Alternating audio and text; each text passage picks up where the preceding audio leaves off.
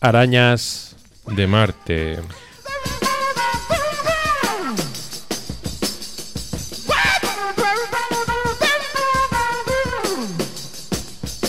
Hola queridos seres arácnidos que habitáis al otro lado de las ondas, aquí estamos con vosotros y vosotras una semana más. Os advertimos, este programa a lo mejor no va a ser la alegría de la huerta. Pues no, la verdad es que no, no, va a ser la alegría de la huerta porque tampoco estamos en un momento como muy, muy alegre mundialmente hablando. Nunca lo estamos en realidad, pero quizás estas semanas nos está tocando un poquito más de cerca los corazones, por lo que sea. Sí, sí, sí. Y bueno, así ha tenido una idea que yo creo que es interesante porque nos va a permitir hacer un repaso por diferentes partes oscuras de la historia no sé cómo va a salir esto, pero bueno. Y bueno, pues saldrá, pues saldrá, saldrá bien, claro que sí, hombre. Que, que, que, sí. Venga, vamos, vamos a ello. Vamos a empezar porque hoy vamos a hablaros de genocidios, limpiezas étnicas y apartheids.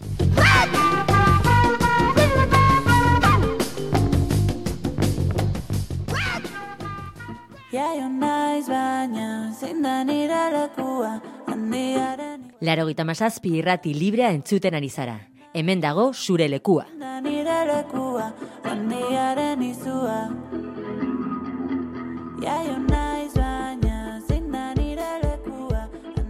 El término genocidio fue acuñado por primera vez en el año 1944 por el jurista judeo-polaco Rafael Lemkin.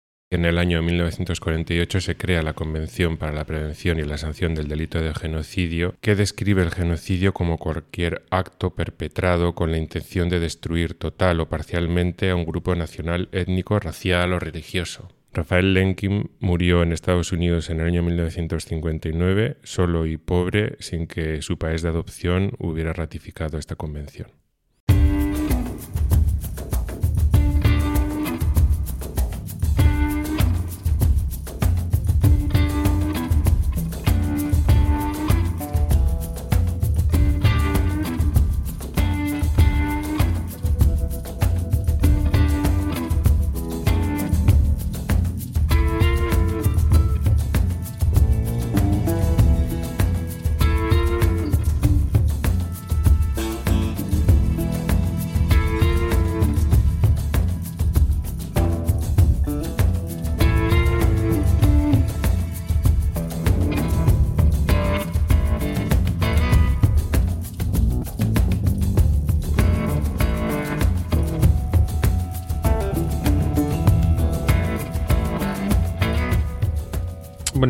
Escuchando, esto es de la banda sonora original de, la última peli de Scorsese, ¿no? De Asesinos de la Luna. Así es. Eh, sí, que es una peli que estuve viendo el otro día y, que me inspiró también un poco a hacer este programa, ¿no? Porque Los Asesinos de la Luna es una peli efectivamente de un Scorsese de 80 años que sigue sin perder vigencia y que ha hecho una película sobre un genocidio. Sobre el... Por cierto, has visto, o sea, quiero decir, me recomiendas, ¿no? La peli o que es que la quiero ver. Sí, es, o sea, me pasé toda la película, además que estoy un poco pocho, eh, me, la pasé de medio lado por la incomodidad eh, que sentía en todo momento viendo lo, que cuentan en la película. ¿no? Bueno, y, en la banda sonora original eh, participa Robbie Robertson, ¿no? que también estuvo con él en el irlandés. Sí, sí, Robbie Robertson, mítico guitarrista de la banda de Band, eh, él mismo de ascendencia Mohawk por parte de, madre, amigo desde los años 70 y colaborador en muchas de las películas de Martin Scorsese como firmante de las bandas sonoras, productor, etc., eh, se encargó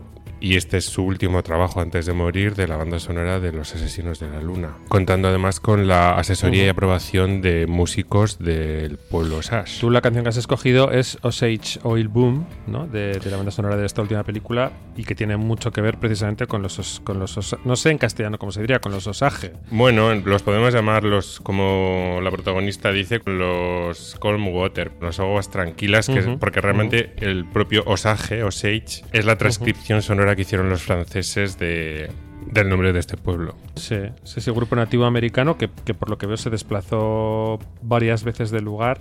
¿O fue desplazado? Mm, en algunas ocasiones por guerras, ¿no? Pues con los Sí. iroqueses y tal. Pero luego le desplazaron forzosamente, los metieron en una reserva en, en Oklahoma en el siglo XIX y tuvieron la malísima suerte, o sea, no solo ya de que les habían obviamente diezmado y metido una reserva, sino que encima se encontró petróleo en su territorio. Tuvieron la buenísima, malísima suerte. Los Osage habían, los aguas tranquilas, habían eh, llegado a esa zona desplazados por el gobierno federal, junto con otros 30 pueblos originarios obligados a desplazarse a Oklahoma de todos los Estados Unidos y obligados a competir, entre comillas, con los colonos que venían del este. Sí, Historia, claro. por cierto, celebrada en la película de Ron Howard de los años 90, Un horizonte muy lejano, un horror en todos los sentidos.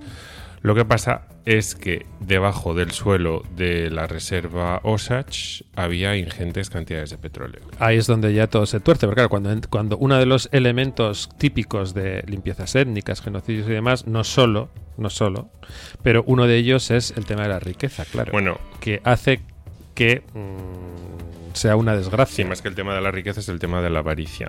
De- Sí, claro, claro, sí, sí, el tema de la riqueza que Sí, lleva a la avaricia. sí. Eh, bueno, sí, aclaramos que este programa se va a centrar sobre todo en los genocidios coloniales, en los genocidios, digamos, de los que sobre todo los eh, occidentales europeos nos, nos podemos responsabilizar, porque obviamente este programa está inspirado y dedicado al pueblo palestino y al horror que está ahora mismo sufriendo no solo la población de Gaza, sino también la población en, en Cisjordania a manos de- del eh, Estado colonial israelí.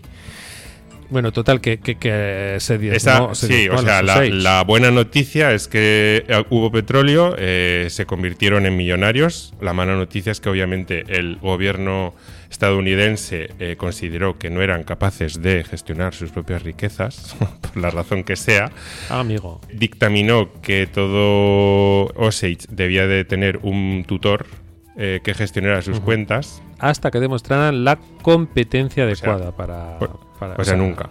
Nunca. Y eso provocó que cayeran fin. en manos tanto de abogados buitres como de auténticos asesinos que los mataban eh, aprovechándose de la absoluta impunidad con la que podían operar los blancos sobre esta población. Eh, se casaban con ellos, los mataban para heredar, aprovechándose de la legislación racista, o directamente los mataban y los robaban, etcétera, etcétera. Hasta eh, sumar eh, lo que el gobierno en aquellos años dijo que, hubieran, que fueron unos cuantos asesinatos, aunque se supone que fueron cientos de ellos. Un, un genocidio en toda regla, un genocidio que no implica la destrucción completa de un grupo determinado, pero que en el norte de América sufrieron todos los pueblos originarios, apaches, sioux, cherokees, navajos, etcétera, etcétera, etcétera, hasta contabilizar supuestamente más de 12 millones de muertes. Y bueno, oye, en esa misma línea tú has elegido también una canción de, de Buffy St. Mary, eh, de su disco Little Will Spin and Spin de 1966, ¿no? Eh, también un poco en esta línea, en relación a los, a las, a los pueblos indígenas nativos eh, americanos, ¿no? Una canción bien interesante mm, que parece ser, o al menos es lo que hemos leído, ¿no? Que es eh, la primera vez en que la que se habla o que aparece la, la palabra genocidio. En, en una canción en inglés, sí, una canción que se llama Mi país es de la gente que tú estás matando. Una canción que efectivamente dice fuerzas a nuestros hijos a ir a vuestras escuelas, prohíbes nuestros idiomas y después dices que la historia americana comenzó cuando Colón descubrió América. Pero ¿dónde aparece en tus libros de historia que el genocidio fue básico para el nacimiento de tu país? Now that your big eyes are finally opened. Now that you're wondering how must they feel, meaning them that you've chased across America's movie screens. Now that you're wondering how can it be real that the ones you've called colorful, noble, and proud in your school propaganda. They starve in their splendor. You've asked for my comment, I simply will render. My country, tis of thy people,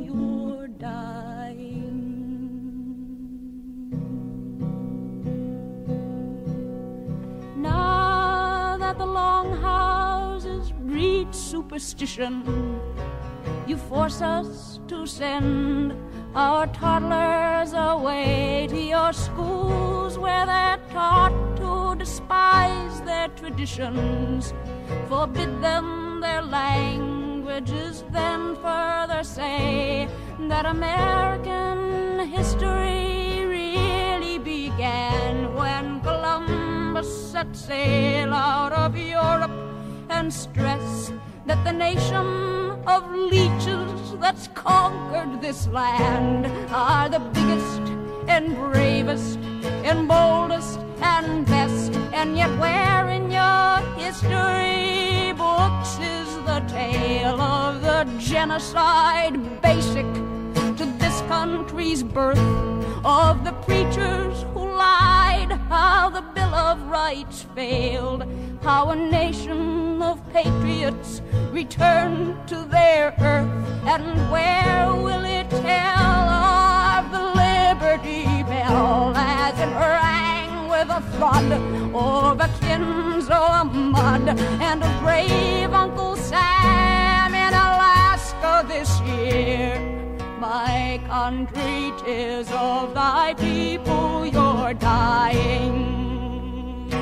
Bueno, y ahora nos desplazamos hasta Guatemala, Un poco que al también, sur. es- que también ha sido un lugar eh, de hechos terribles. Bueno, Guatemala, que es otro de los países, por cierto, donde Asier eh, ha estado trabajando. Por cierto, me acabo de dar cuenta que no hemos escogido, ahora que pienso también en limpiezas étnicas y en esto, no hemos escogido nada de la antigua Yugoslavia.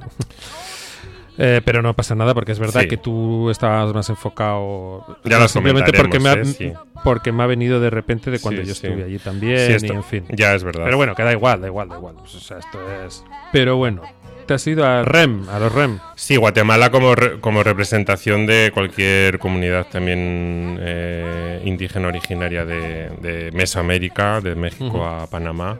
Eh, en este caso REM, porque además es una banda absolutamente mainstream, eh, americana, eh, norteamericana. Eh, maravillosa, tengo que decir. Maravillosa, a la que le hemos dedicado no, no uno ni dos, sino tres programas, Tres si no estoy programas. equivocado. Eso fue un poco por mi culpa, ¿eh? lo de Bueno, no meter pasa tres nada. programas.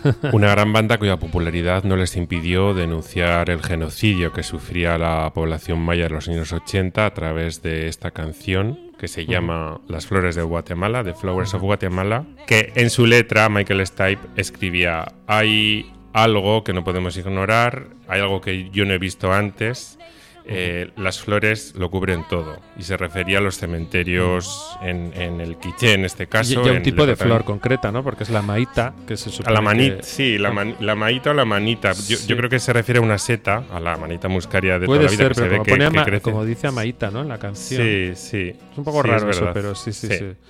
Pero bueno, se refiere a las masacres perpetradas por los gobiernos genocidas de. Fray Ríos Mon y de Lucas García antes, en los años 80. Unas dictaduras que se remontaban a los años 50 y que habían generado eh, pues, más de 200.000 muertes entre los pueblos mayas de Guatemala. Por supuesto que los intereses de la agroindustria, de las petroleras, de las madereras, etcétera, de por medio. En un concierto, en el 86, Michael Stipe presentó la canción con una sola palabra y dijo genocidio. Hmm, Y empezaron a tocarla. O sea. Sí, sí. Que por cierto es del, es del disco Life's Rich Pigeon de, del 86. My country,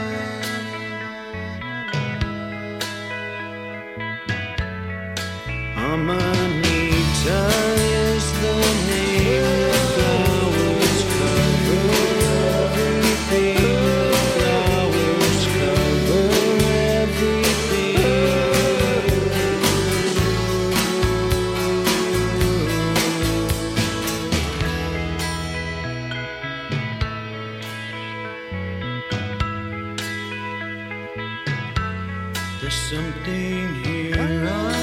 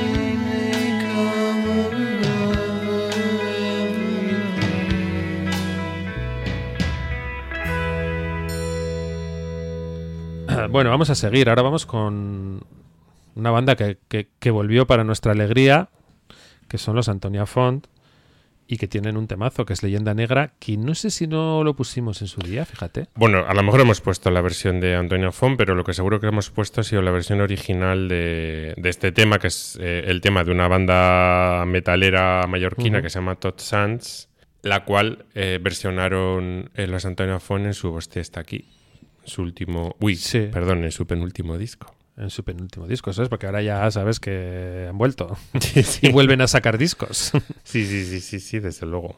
Pero bueno, en Leyenda Negra pues hablan de lo que hablan, claro, lógicamente. De Pues que no hay nada... Esto fue por el tema del quinto centenario, ¿no? Hmm. También, de que no hay nada que celebrar, o al menos no en ese sentido. Bueno, no hay más que pensar en la larga lista de genocidios completos o parciales eh, provocados por la comillas, conquista española y sus descendientes en América del Sur. Más allá de la esclavitud, del expolio, de la muerte por enfermedades, del sometimiento, de la anulación de las culturas indígenas, hay directamente varios genocidios eh, perfectamente mm, tipificados, como por ejemplo uno que me llega especialmente al alma porque, porque también me habla de la absoluta hipocresía psicopática del occidental, que es la limpieza étnica o el genocidio del pueblo charrúa en Uruguay. Uno de cuyos perpetradores principales fue Fructuoso Rivera, primer presidente de la República de Uruguay independiente y uno de los héroes de la independencia del Uruguay, obviamente criollo. El propio Rivera justificaba el exterminio del pueblo charrúa porque eh, molestaba eh, el desarrollo, la emancipación del Uruguay como un Estado moderno.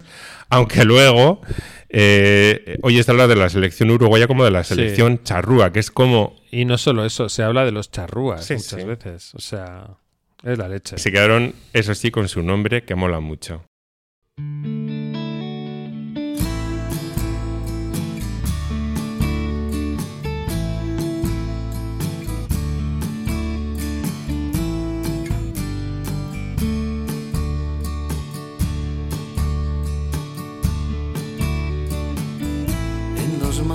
Del sur a la puesta de sol del Pacífico azul. Yo canté mi canción.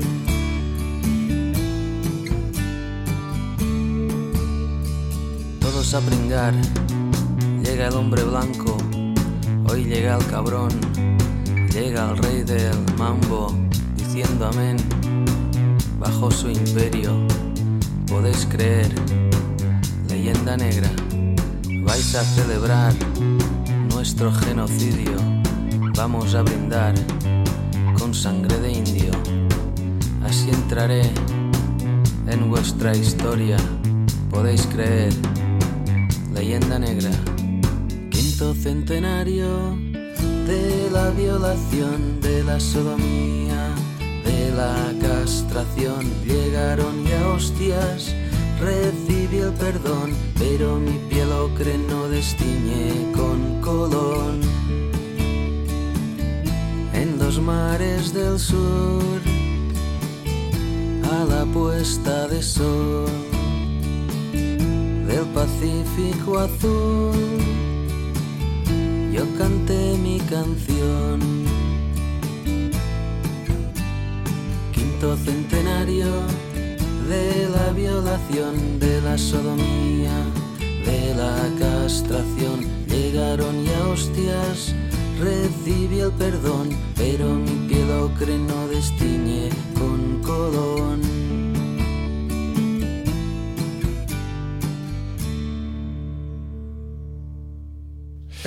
En fin, los genocidios, masacres, etcétera, perpetrados por los colonizadores europeos y sus descendientes desde el siglo XV eh, en el continente americano han supuesto, se dice, la muerte de más de 100 millones de personas de manera prematura. Por supuesto, siempre o casi siempre relacionado con el expolio de los recursos naturales y contando con la complicidad y excusa de la Iglesia cristiana. Bueno, es que si la riqueza es uno de los elementos, luego hay otro coadyuvante que son las religiones que también son Hmm. también también eh, juegan su papel, o sea que Sí, sí. fin. Bueno, oye, y si seguimos subiendo Vamos también- al Caribe porque nos Claro. vamos ya hacia Vale. África y, y cruzamos el Atlántico de, de la mano de un barco negrero al que cantó Bob Marley. Sí, sí, en Uprising en el 80, ¿no? Vamos a escucharlo, Redemption Song.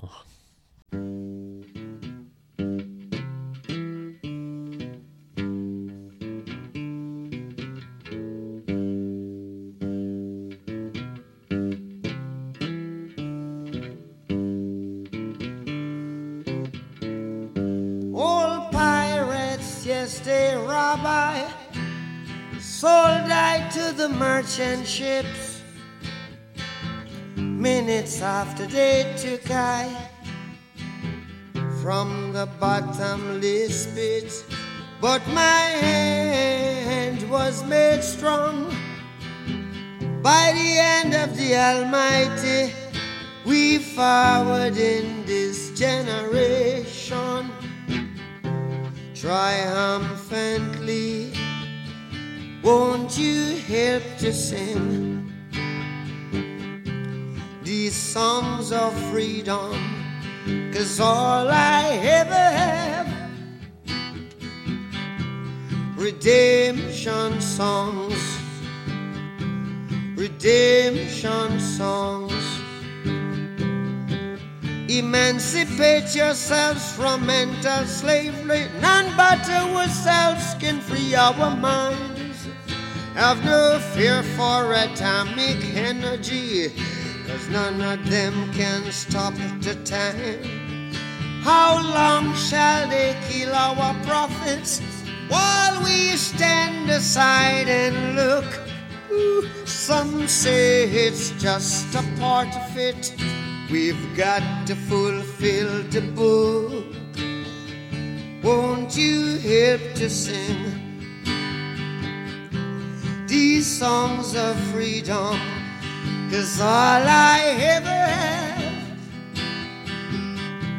redemption songs, redemption songs, redemption songs.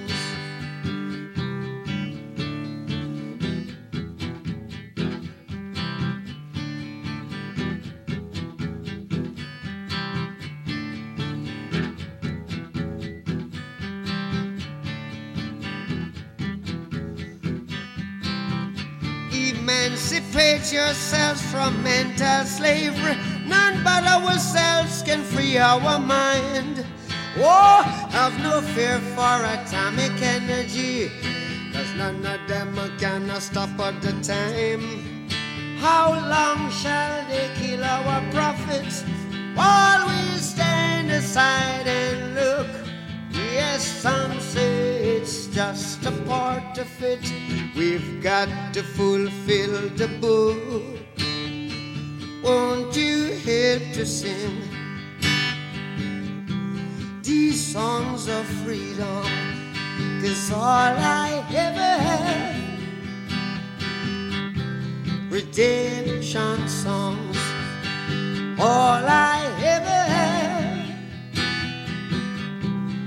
redemption songs.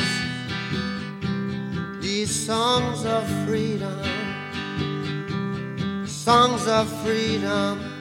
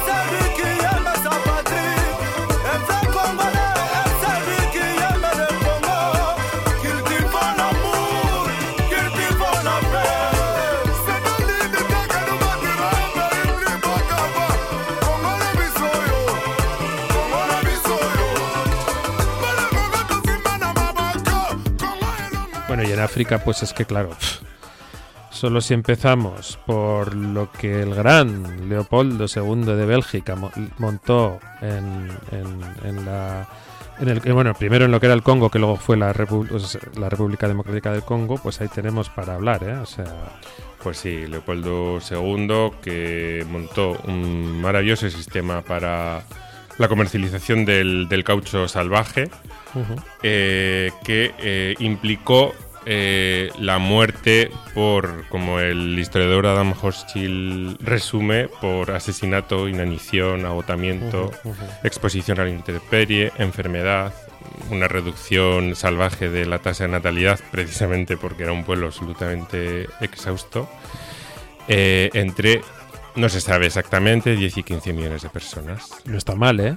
No está mal. en un poco más de, de una década, todo por, por el caucho. Sí, sí, en, en- en- en unos 12, 13 años, Sí, o sea, sí. Eh, no más. En el, eh, bueno, en el 2020 el rey Felipe fue allí como a pedir disculpas, Sí, pero, bueno, de, no pero de aquella, pero de aquella manera. De aquella manera, es, esa es una constante. Hay muchos eh, procesos de, de, ¿cómo se llama? Esto de restitución o de perdón que se han producido en los últimos años en los que encima los, los países coloniales intentan medio limpiar su imagen. eh, Bueno, ha habido, ha habido alguno que ha sido mejor que otros, ¿eh? Quiero decir, porque yo Sí. creo que cuando se exige eh, perdón es que hay que hacerlo y cuando se hace hay que reconocerlo, ¿eh? Luego hablaremos del caso de Namibia, o sea, yo creo que es Hmm. bastante diferente a esto de, de Bélgica. Bueno, el problema que tuvieron también los congoleños es que primero fue el caucho, pero es que luego encima se encontraron minas de cobre, de oro y de estaño, con lo cual ya la- peor todavía, o sea, que decir, cuando salieron de una se metieron en otra peor. Y Les se, habla, peor. y se habla del fin de ese periodo absolutamente horrífico que acaba en 1908, pero en realidad lo que ocurre es que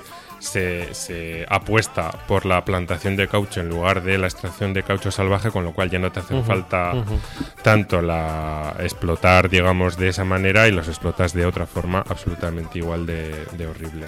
Pero bueno, esto que hemos hablado aquí del Congo belga, del antiguo Congo belga, vamos, pasaba en el Congo francés, en, la- en la Angola portuguesa, en fin. En alemán. entonces- Y por cierto, esto que estamos escuchando es el Banaya Congo, ¿no? El himno revolucionario congoleño de los años 60. Sí, sí, un himno de unificación e independencia del Congo de los 60 en versión del cantante congoleño Donat Mwansa de hace cuatro años.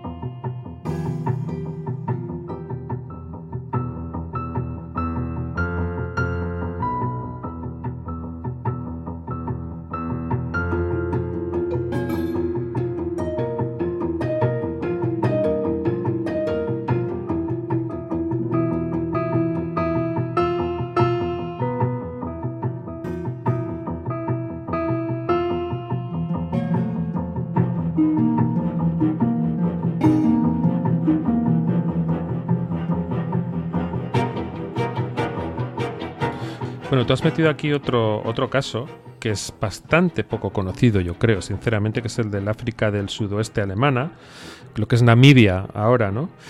Eh, has escogido además eh, una canción de la banda sonora de una película que yo sinceramente no tengo el gusto, que es La medida del hombre o La medida, o la medida de los hombres, ¿no? Measures of Men. Una película alemana, si no De este tengo- año, sí. De este año además. No sé si la has visto o...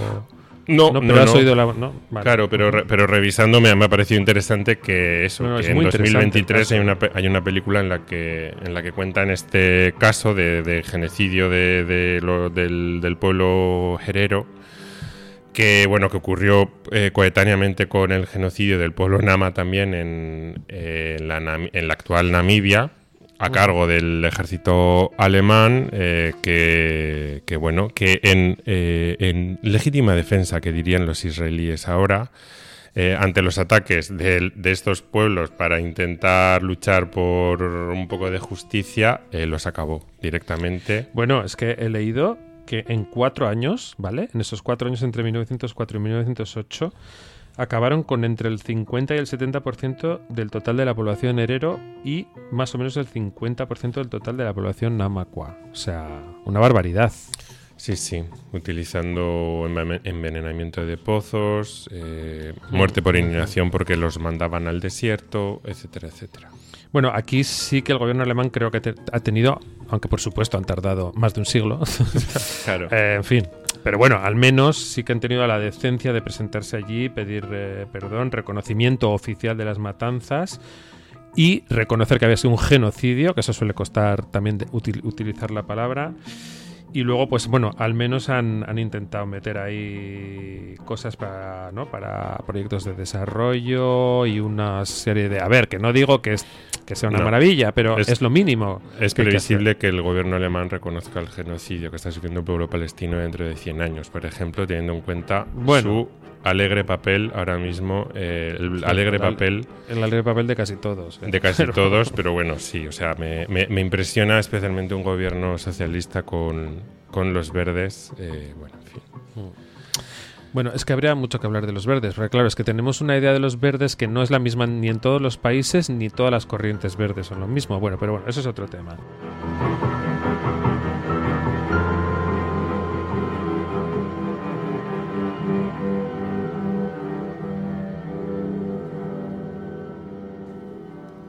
Bueno, continuamos. Eh, me, me se está agriando el carácter, te, No te me aviso. extraña, no me extraña. Eh, ¿Ande vamos? Pues saltamos a Australia, Oceanía. sí, señor.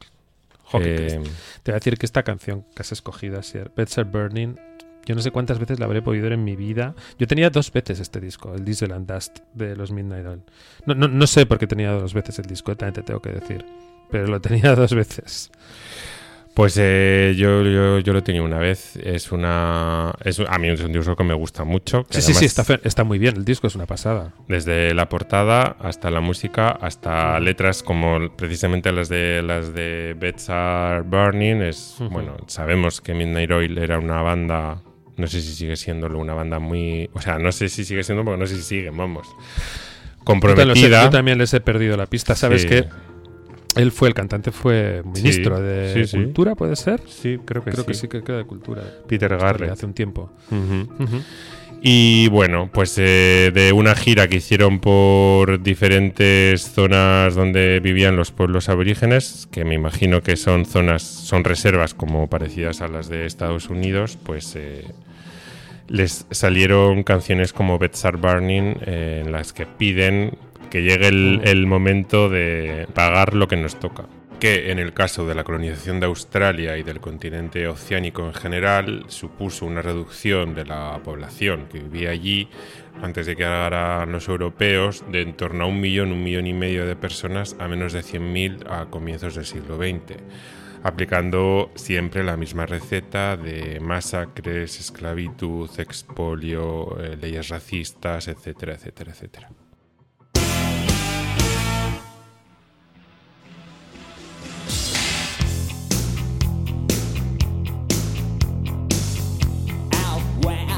River broke, the bloodwood and the desert oak, holding wrecks and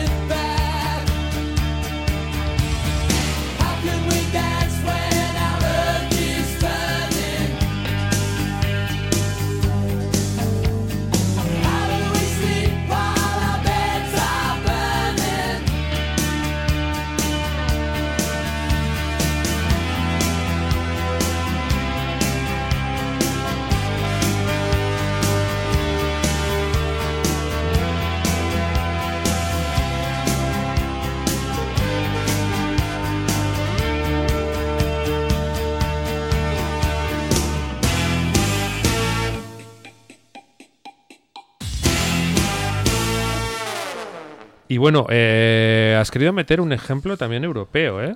Porque, y por cierto, me alegro muchísimo que hayas escogido esta canción Famine de O'Connor de Mm. Universal Mother del 94, porque para empezar la canción me parece que está muy bien. O sea. Sí. además de lo que pasa que la historia, pues bueno, Continuamos es esa idea, el- ¿no? Como de los irlandeses, como para los ingleses, los irlandeses eran como los primeros pueblos indígenas, de alguna manera, ¿no? Unos nómadas ahí que molestan sí. y hacen cosas bárbaras y raras. Sí, sí, los ingleses eh, que habían llegado a, a Estados Unidos eh, comparaban a los pueblos originarios americanos con los, eh, con los irlandeses, ¿no? Y, les, y, y- y justificaban, digamos, los horrores que habían cometido contra unos y contra, otro- y contra otros por su incapacidad de dejarse gobernar, su nomadismo, como bien dices, su crueldad, no, no sé a qué nos suena todo esto, su canibalismo incluso, Y si su, su salvajismo, que eran malos salvajes. En general. Claro. Que Sinead O'Connor habla ahí de la hambruna de 1840, ¿no? Donde, Claro. donde hubo también una verdadera, un verdadero desastre, una verdadera pérdida de vidas humanas ahí a lo bestia, pues por eso, por hambre, vamos. Bueno, porque en ese momento Irlanda era, am, no sé cómo se llama, protectorado inglés. Ujú. Estaba durante el siglo XIX, fue parte de Inglaterra, digamos, o de la colonia inglesa. Y se supone que fueron las autoridades inglesas quienes durante la, la crisis de la patata, la patata que era la base alimenticia de la población irlandesa, sufrió una enfermedad. Y eh, a pesar de que se seguían produciendo eh, muchas cantidades de alimentos en el país, esos alimentos salían del país, eran comercializados fuera, mientras eh, un millón de personas se calcula que murió de hambre allí.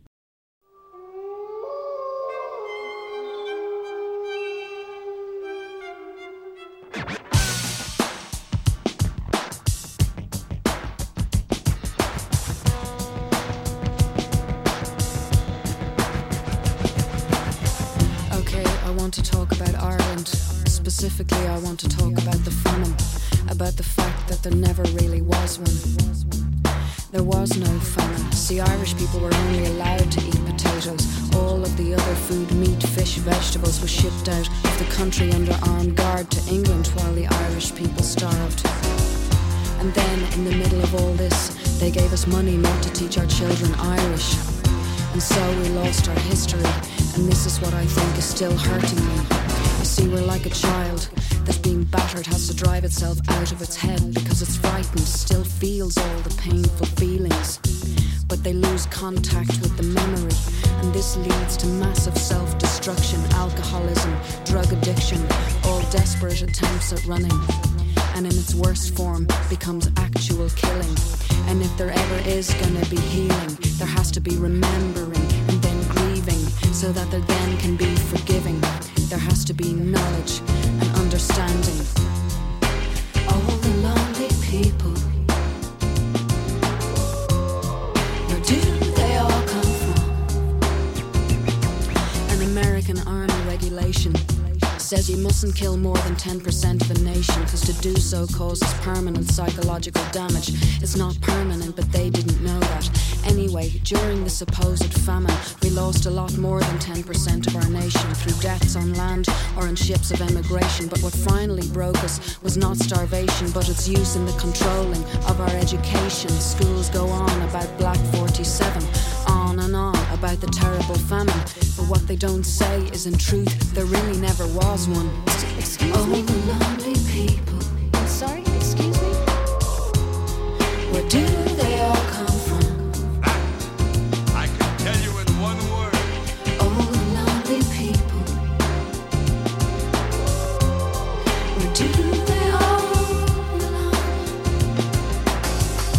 Let's take a look, shall we? The highest statistics of child abuse in the EEC, and we say we're a Christian country. But we've lost contact with our history. See, we used to worship God as a mother. We're suffering from post traumatic stress disorder. Look at all our old men in the pubs. Look at all our young people on drugs. We used to worship God as a mother. Now look at what we're doing to each other. We've even made killers of ourselves, the most childlike, trusting people in the universe. And this is what's wrong with us. Our history books, the parent figures lied to us. I see the Irish as a race like a child that got itself bashed in the face. And if there ever is gonna be healing, there has to be remembering and then grieving so that there then can be forgiving. There has to be knowledge and understanding.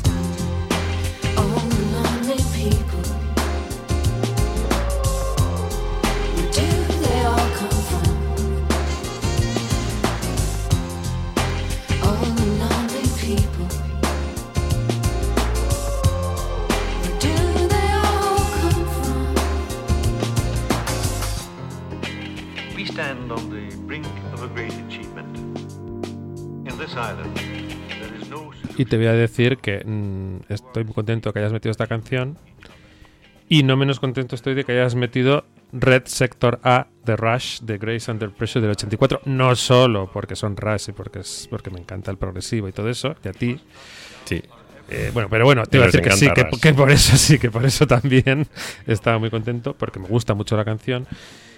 Y porque no tenía ni idea, sinceramente, de que la letra que había hecho Neil Peart, porque yo siempre la... A ver, es verdad que no había profundizado en la letra, pero cuando lo escuchaba, pues me parecía es un rollo así como futurista, temporal, ¿no? Pero Mm. muy chungo y tal.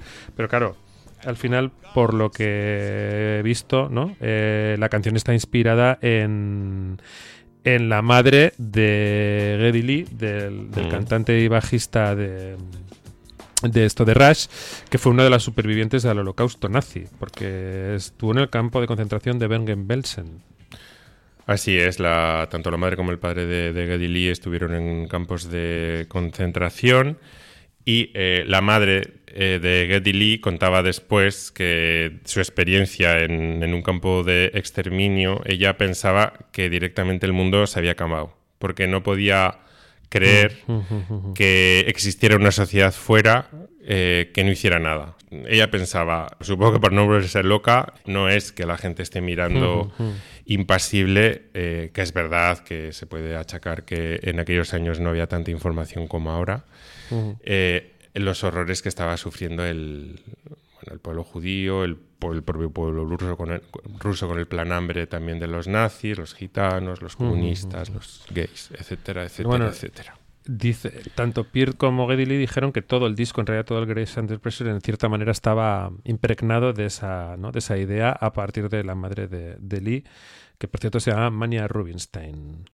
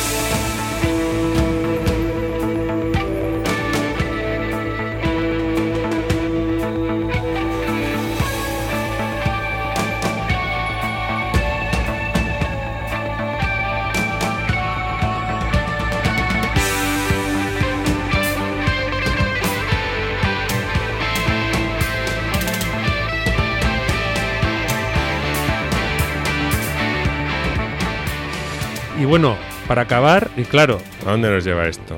pues esto nos lleva precisamente de los nazis haciéndoles estas cosas a los judíos y los judíos parece ser que no aprendiendo Bueno, muy bien de la historia y haciéndoles mm, algo parecido, entre otras cosas con esa especie de cárcel, campo de concentración enorme que es Gaza, haciéndose a los palestinos. Sí, el caso de Palestina es uno de los últimos casos de colonialismo de manual. eh, pues comienza, digamos, en el año 48 con la creación del, del Estado de Israel y, y el- y la expulsión y la limpieza étnica de, de cientos de miles de palestinos y palestinas, eh, muchos muertos, muchos expulsados afuera de Palestina o a campos de refugiados en Gaza y Cisjordania.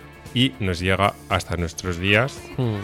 Bueno, pasando por el 67 y todo lo que ocurrió, por 67, supuesto. etcétera, etcétera, pasando por todas las declaraciones de Naciones Unidas, Sí. pasando por una eh, partición en el año 47 de Palestina votada en contra por todos Mm. los países árabes, que lo he estado mirando ahora, o sea, mm, de nuevo es Occidente, esta Europa, eh, comillas, paternalista, tomando decisiones por los pobres pueblos salvajes que no pueden decidir, por esa jungla que decía Borrell, y llegando al horror que estamos presenciando eh, en este momento, eh, viendo como nuestros gobiernos, es verdad que el de nuestro Estado podemos por lo menos decir Mm. que están al menos pidiendo la, la famosa pausa humanitaria. Sí, los ha habido peores, es, es verdad. Sí, pero el re- o sea, Ramón, o sea, esto es, esto es, o sea, yo me avergüenzo absolutamente de ser Mm, mm. europeo y me gustaría sentir que no en mi nombre se está masacrando al, al pueblo palestino en este momento.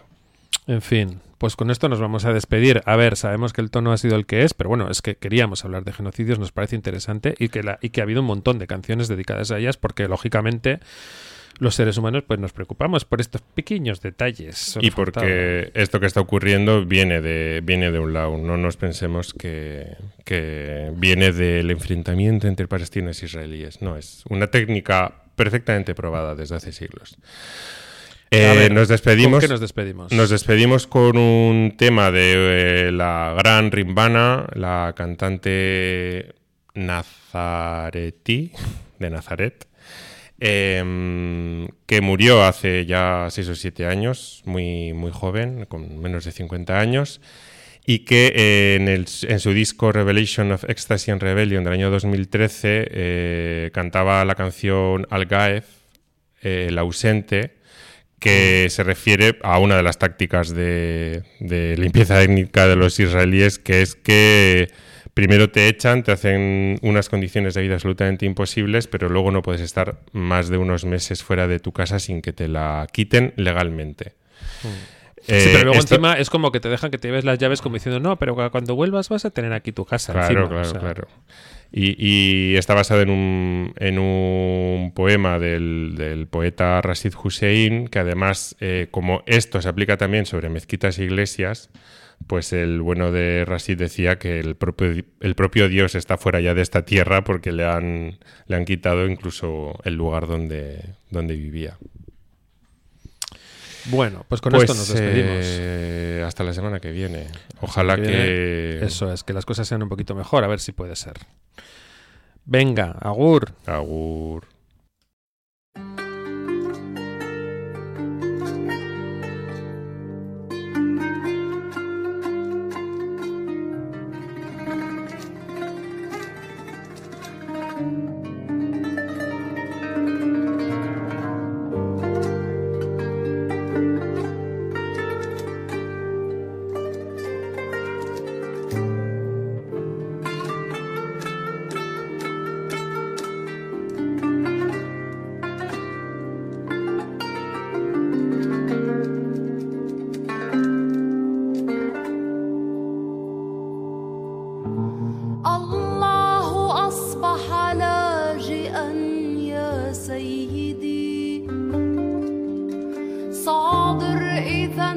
حتى بساط المسجد.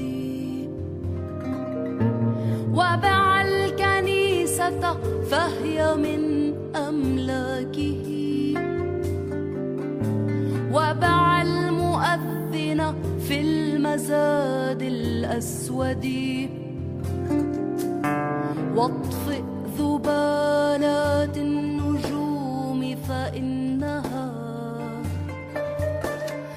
ستضيء درب التائه المتشرد.